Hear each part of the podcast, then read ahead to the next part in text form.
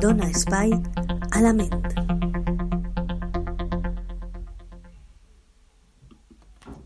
Hola a tots i totes, benvinguts una setmana més a Dona Espai a la Ment. Avui vull parlar-vos de la neuropsicologia. La neuropsicologia és una nova ciència, per dir-ho d'alguna manera.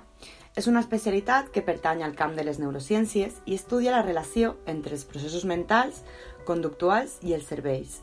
Constitueix un punt de trobada o un nexe d'unió entre la psicologia i la neurologia.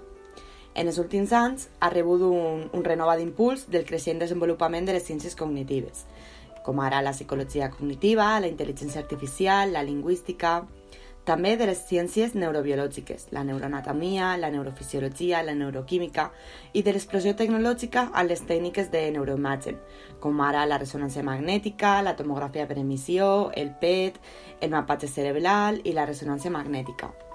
Un neuropsicòleg s'ocupa del diagnòstic i el tractament d'aquells problemes cognitius, conductuals i emocionals que poden ser el resultat de diferents processos que afecten el normal funcionament de, del cervell.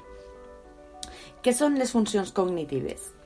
Amb el terme de funcions cognitives es fa referència als processos mentals o intel·lectuals com la capacitat de prestar atenció, recordar, produir i comprendre el llenguatge, resoldre problemes i prendre decisions. Les funcions cognitives conformen un ampli grup de capacitats i habilitats. Entre elles inclouen l'atenció, incloent l'alerta, l'atenció focalitzada, la sostinguda, la concentració.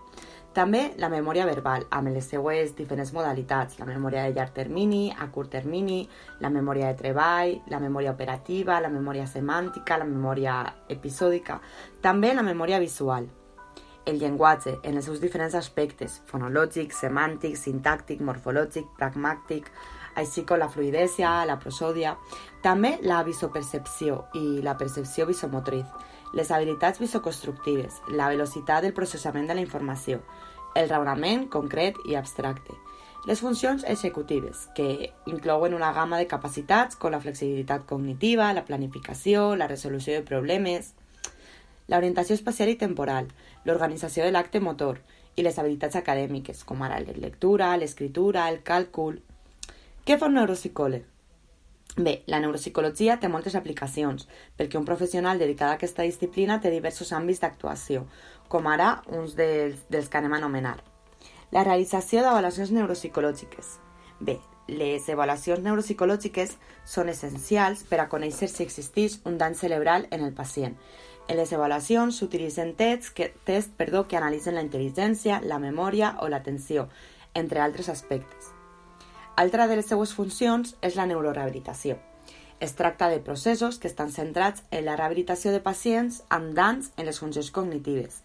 En cada procés s'han de considerar els aspectes específics de cada pacient, com ara són l'edat, la professió o el tipus de, del tipus de personalitat del pacient. També actuen en la prevenció de danys cerebrals. Existeixen moltes causes que poden produir un dany cerebral perquè un neuropsicòleg pot intervindre en programes orientats a la protecció de la salut, eh, a la salut cerebral, com per exemple relatius al consum de, de les drogues. També la investigació. El cervell humà continua sent un misteri perquè la investigació és essencial en tots els camps. La curació i la prevenció tenen sempre la seva base en la investigació. Bé, aquest és un xiquetet resum sobre la neuropsicologia com a una nova ciència, una nova ciència més que res recent, perquè ara és quan, fa uns mesos o uns anys darrere, quan més comencem a, a escoltar-la, quan més neuropsicòlegs... Ai, eh, este post era per a que coneguereu un poquet més sobre la psicologia i una de, de les seues rames, com pot ser la neuropsicologia, encara que n'hi ha moltíssimes més, com sabeu, estan els psicòlegs clínics, els sanitaris, els psicòlegs educatius, els socials...